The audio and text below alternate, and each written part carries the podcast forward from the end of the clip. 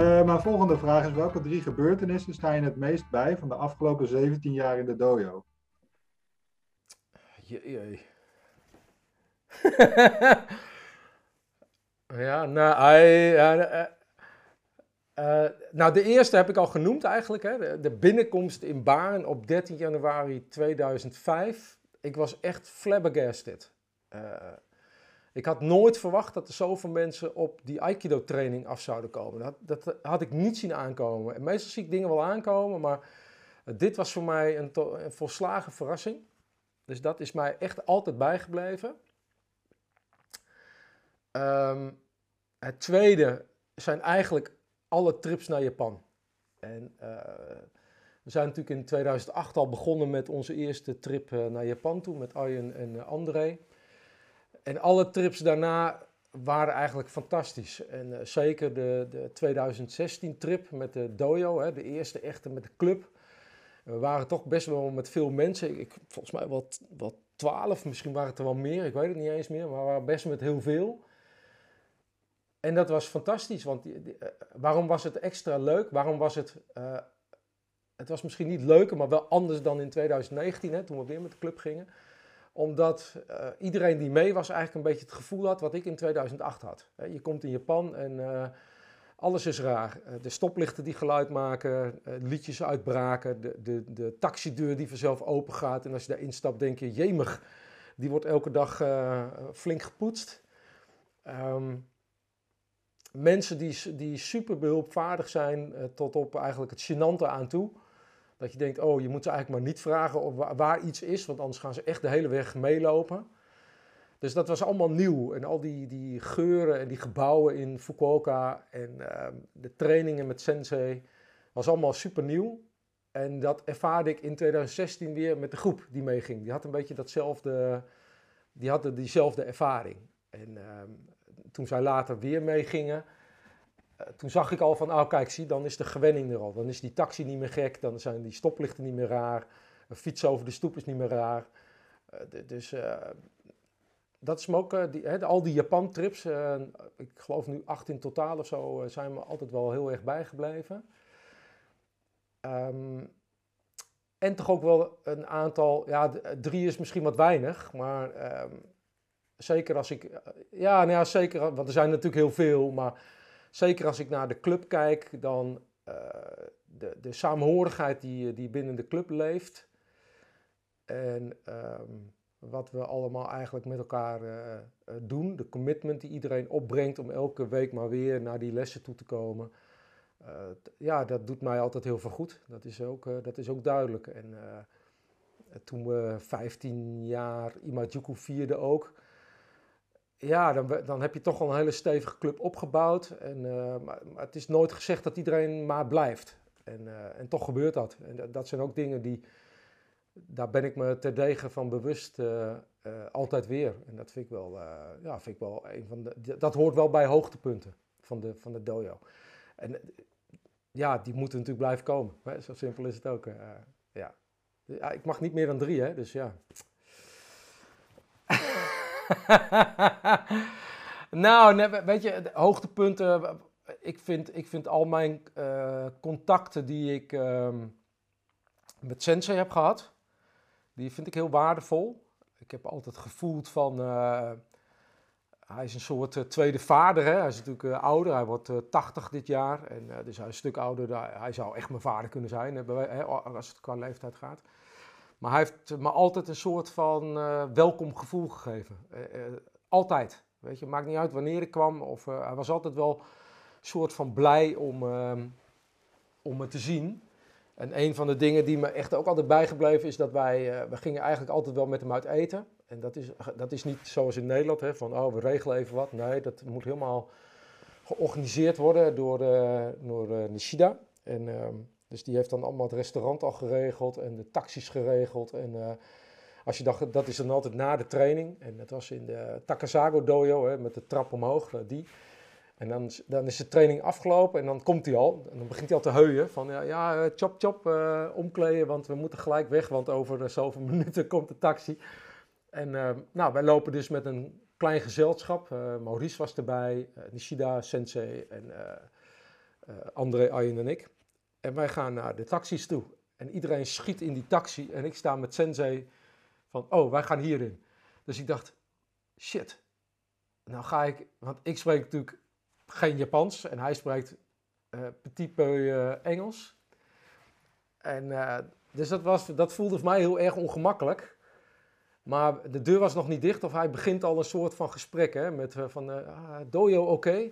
Nou, en dan begint gewoon een soort van geanimeerd gesprek die net zo lang duurt totdat we bij het restaurant zijn. En dat, dat, dat is ook voor die dingen die, uh, ja, die zijn me wel bijgebleven. Dat geeft namelijk aan hoe betrokken hij is met je. Hij zal niet gaan zitten en denken, nou ja oké, ik, ik zit het wel uit. Maar hij gaat echt een soort van contact met je maken. En dat heeft hij altijd gedaan. Zo zit die, zo zit die beste man gewoon in elkaar. En dat vind ik wel heel waardevol. Eh. Dus dat was mijn toevoeging. Ja, nou, dat zijn mooie toevoeging, zeker. Niet willen missen. Uh, ik, ik, bewaar hem nog eventjes mogelijk voor een volgend interview. Dat we misschien nog een paar andere puntjes kunnen doen. Uh, Rudy? Ehm, ja, nou, ik denk dat ik eigenlijk... Volgens mij heb ik het antwoord net ook al gegeven. Maar um, in de Aikido-wereld, zowel nationaal als internationaal. Ehm, wie zijn jouw grote voorbeelden daarin? Uh, nou ja, ten eerste natuurlijk gewoon heel simpel uh, Sugunuma. Dat, is, dat mag duidelijk zijn. Uh, Sugunuma heeft natuurlijk mijn Aikido heel erg beïnvloed. Uh, ik trainde natuurlijk gewoon de hele week door bij Joost. Hè. Dat mag duidelijk zijn. Dus ook Joost heeft heel veel invloed gehad op mijn Aikido. Want uh, Sugunuma komt één keer per jaar en de andere 52 of 51 weken trainen we gewoon in de club. Dus zeker Joost heeft als Aikido-leraar veel invloed op mijn Aikido gehad. Um, daarnaast natuurlijk Sugunuma, maar die kwam één keer per jaar. Dus ja, mag je zeggen van um, mijn Aikido heb ik geleerd van Sugunuma? Nou, nee, want als ik in mijn hele carrière tot nu kijk, heb ik misschien 200 lessen gevolgd. 250 lessen gevolgd bij Sensei. Nou, maar dan mag je niet, eh, dan ben je nog nergens in feite. Dus wil je echt, echt, echt leerling van Sugunuma noemen, dan um, uh, zul je daar moeten wonen en dan, dan moet je daar gewoon trainen. En, uh, ik heb wel een keer gezegd op een bijeenkomst, um, was naar de Mbukai in Japan, die is heel groot. En um, daar mochten wij niet aan meedoen omdat wij niet officieel lid waren van Shohei Juku. Dus dat was logisch, wij deden daar niet aan mee. Maar wij mochten wel natuurlijk gewoon naar de Mbukai toe. En na de Mbukai was feest. En de avond daarvoor hadden we training. En de sensei die vraagt dus tijdens het thee drinken van... Uh, ja, kom je dan na het feest? ja, we komen na het feest. En zegt hij, ah, prepare speech. En toen dacht ik, oh, oké. Um, en toen zei ik... Ja, ik ga er even over nadenken. En toen zei iemand anders, het is geen verzoek. Dus dacht ik, oké. En uh, dus de volgende avond hadden we die, uh, die, uh, dat, die party, 300 Japanners, echt alles erop en eraan. en dan moet je op het podium staan, krijg je een microfoon in je handen. En ik had Tomoko Iohara had ik als vertaalster. Dus dat ging goed komen, hè, want die woont in Groot-Brittannië en, en komt natuurlijk oorspronkelijk uit Fukuoka. En toen zei ik ook van, nou, ik kan, ik kan uh, heel weinig terugdoen eigenlijk voor wat ik allemaal krijg. En toen, zei, en toen zei die, maakte hij een opmerking, want hij zat daar beneden. En toen zei hij, nou, daar ben ik het helemaal niet mee eens. Dus het is toch wel weer grappig hoe die je dan ook wel weer ziet, ondanks het feit dat je relatief weinig trainingen bij hem volgt. Laten we eerlijk zijn. Ziet hij dat toch wel anders. En, uh, dus dat, dat vind ik ook wel weer grappig. Hij ziet je dan toch wel weer als leerling. Maar ik zelf zeg dan van ja, uh, ik vind dat wel moeilijk om dan te zeggen, ik ben een leerling van Sugunuma. Ik, ik probeer te doen wat hij doet. En, uh, dus hij is mijn, mijn um, misschien niet mijn grootste invloed geweest, maar natuurlijk wel mijn grootste inspirator. Dat, uh, dat, dat mag duidelijk zijn.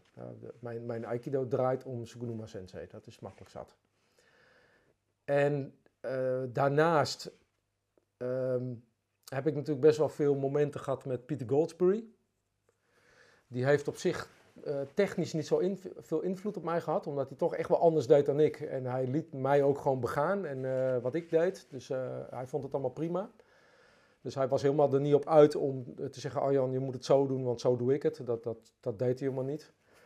Maar hij heeft wel invloed gehad op mij als het gaat om kennis van het Aikido buiten de training om. Hè. Hij is natuurlijk een wandelende encyclopedie als het gaat om inhoudelijke kennis van allerlei onderwerpen, mensen die hij ontmoet heeft, waar hij getraind heeft en, en alle verhalen daaromheen. daar heb ik ook wel veel van opgestoken, laat ik het zo zeggen. Ik heb altijd wel fijne gesprekken met hem gehad. En dat was natuurlijk ook heel anders dan met Tsukunuma Sensei, want Sensei spreekt geen woord Engels. Dus dat is, moet je altijd in een driehoeksverhouding doen met een vertaler. En uh, met Goldsbury kon ik gewoon één op één praten. Dus dat was wel een, uh, dat vond ik wel heel prettig. En daar heb ik ook altijd dankbaar gebruik van gemaakt. Ook als we naar uh, Hiroshima gingen in Japan, hè, dan hadden we toch ook hele lange gesprekken wel met hem.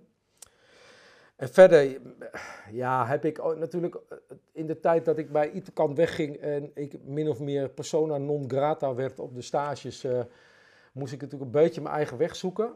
Uh, tussen 2005 en 2008 zo'n beetje, hè, voordat wij Sensei vroegen van mogen we naar Japan komen. En natuurlijk zei Sensei, ja, kom maar, weet je wel, geen probleem.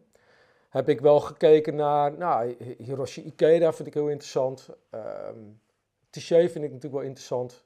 Maar er hangt een behoorlijke groep omheen die, ja, die toch wel wat anders doet dan ik. Ook uh, Aikido een beetje anders beleeft dan ik, denk ik. En, uh, dus die, die heeft gewoon, wat hij doet vind ik, vind ik interessant.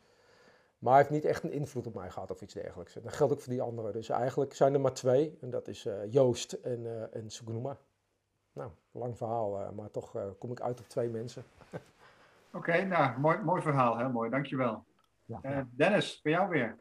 Ja, nou had ik een mooie vraag over de reizen naar Japan gemaakt en wat daar je mooiste herinneringen aan zijn. Maar eigenlijk heb je er net al best wel wat over verteld. Je mag het aanvullen natuurlijk, maar dan zou ik er aan toe willen voegen.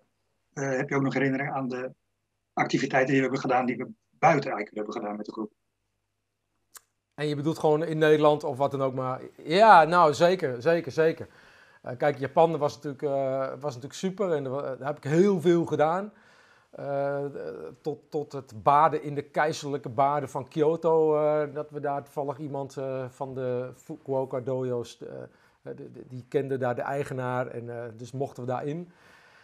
Tot bezoeken aan Tokio en, en nou ja, al de plaatsen die we gedaan hebben, daar heb ik heel veel herinneringen aan, want we hebben best wel veel gereisd ook in Japan. En zeker in 2019 nog echt met de auto, met Martijn, Martijn en Guus. Nou, dat was natuurlijk ook was natuurlijk ook uh, geweldig. En uh, Martijn, die volgens mij was er toen uh, doodleuk op Dazaifu was het volgens mij aan tafel vertelde dat hij vader werd. Dat was volgens mij op dat moment daar. Dus dat zijn allemaal dingen die blijven me wel bij. Maar zeker als ik kijk naar wat we met de groep gedaan hebben. We hebben best wel veel gedaan. Ehm, een dag rondgelopen op, ehm, op een soort um, tehuizencomplex voor minder bedeelden qua verstand. En um, daar hebben we eh, lopen schilderen en bankjes in elkaar lopen zetten. En van alles gedaan. Echt een dag ja, goed werk gedaan. gekanoot. uit eten geweest met de club. gebold. En hopeloos verloren. Daar allerlei talenten naar boven zien drijven die die dat veel uh, beter konden dan ik. En, uh, dus daar heb ik ook hele goede herinneringen aan, absoluut. En uh, ik, ik, hoop dat mensen in de toekomst uh, het initiatief gaan nemen om, om dingen te gaan organiseren. Kijk, ehm, ik heb natuurlijk heel lang alles in eigen hand gehad. Hè. Dat moet ook als je een dode opbouwt, dan, dan, dan zijn er natuurlijk ook heel veel initiatieven die vanuit jezelf moeten komen, omdat men nog voorzichtig is en nog niet zo lang traint. En, maar inmiddels hebben we een behoorlijk gevestigde club. En uh, denk ik dat het best wel heel leuk is als mensen initiatieven tonen en zeggen van nou, volgens mij moeten we een uitje doen en regel het gewoon. En iedereen vindt het leuk. En dan, dan, ja, ik denk dat het ook belangrijk is dat we op een soort moment komen dat, dat de initiatieven vanuit de mensen zelf komen. En uh, niet alleen maar vanuit mij als leraar zijn. En zo van, als ik het niet doe, dan doet niemand het, weet je wel. Dus pak een beet en uh, ga iets leuks organiseren. En, en ja, ik vind alles leuk. En daar heb ik hele goede herinneringen aan. Ook gewoon samen lunchen toen met 15 jaar Imajuku. En de, de, verrassingen toen ik 50 werd, dat er in één keer een pop stond. Volgens mij is het opgenomen, maar ik had er in keer zo'n blik opzij. Zo huh?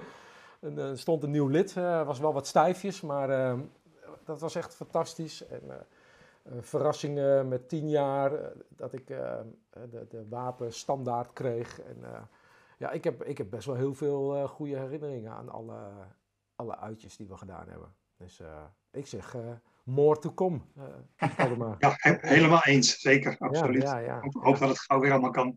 Ja, en dat brengt ons dan, dat brengt ons dan weer bij, bij de groep. Kijken of daar mensen zijn die inmiddels een vraag bedacht hebben of sowieso al een vraag hadden. Waarom niet? Hij weer Henk. Daar hebben we Henk.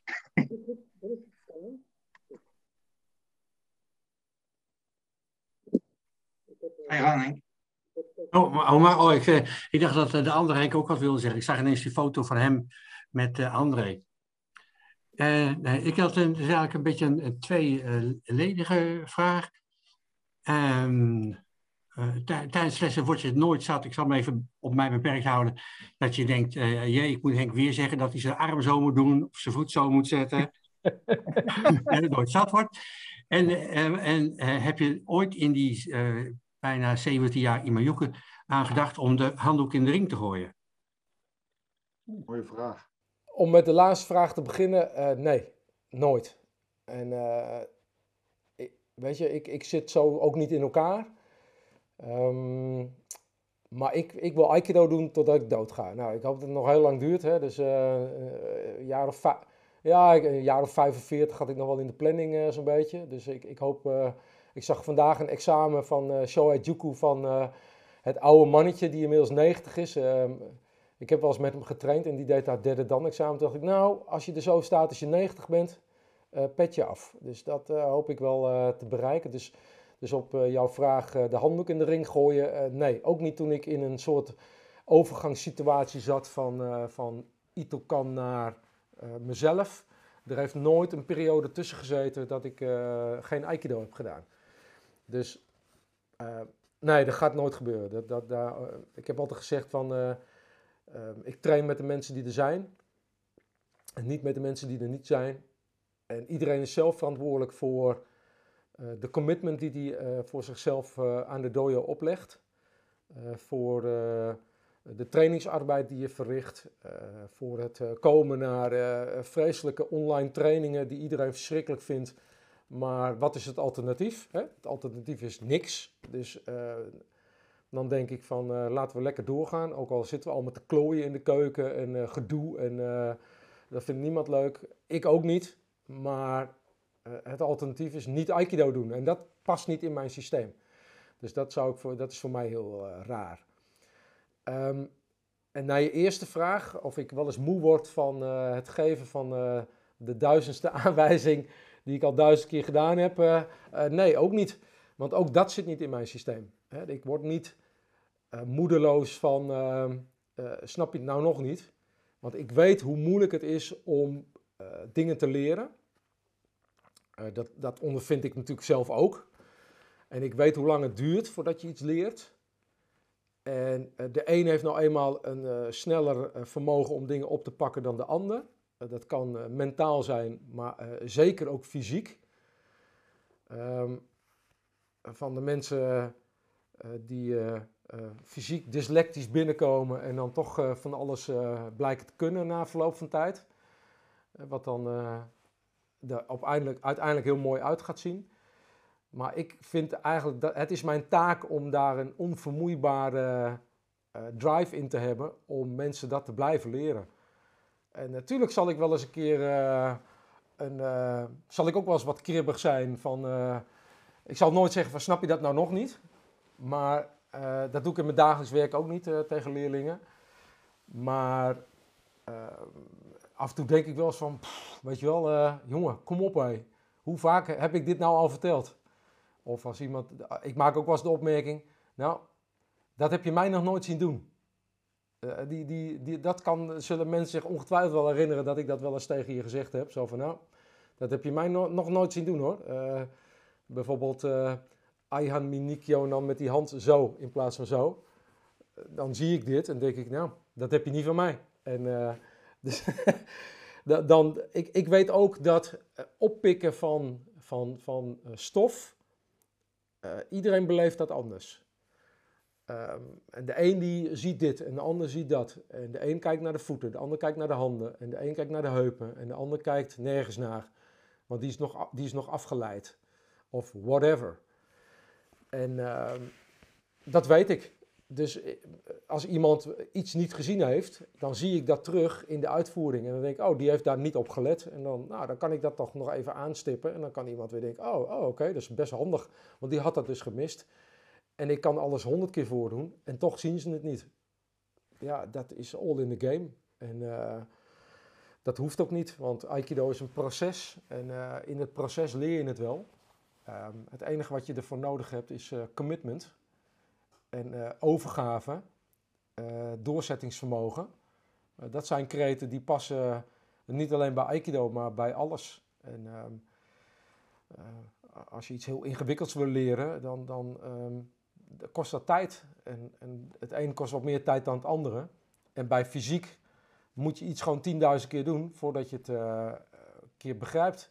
Dus dat betekent dat je, als je één keer in de zoveel tijd Ayami Ikkyo doet, ja, dan is dat anders dan dat je het elke dag zou doen. Dan leer je het sneller. Alleen ja, het pakket is zo groot en dat haalt ook de vaart van het leren eruit. Zou je alleen maar één ding doen en je doet dat vijf jaar lang, nou, dan ben je er waarschijnlijk heel goed in.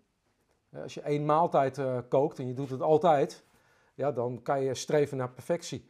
Maar als je de honderd doet, dan kan dat niet. Want die tijd heb je gewoon domweg niet. Dus zul je um, op dat vlak altijd water bij de wijn moeten doen. En altijd moeten accepteren uh, dat het langer duurt voordat je iets kunt. En dat geldt voor mij ook. Als mensen in Japan vijf dagen per week trainen, ja, waar blijven wij dan met onze twee keer in de week?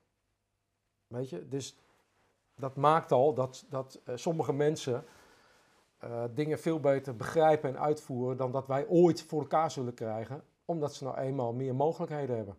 Dus er zijn heel veel factoren die daarin meespelen, waardoor ik uh, nooit eigenlijk geïrriteerd word of kribbig word en hooguit dat je je dag niet hebt en dat je een keer denkt van. Pff, maar ja, dat, dat is menselijk, denk ik dan. Dus dat, dat kan ik mezelf altijd wel vrij snel vergeven.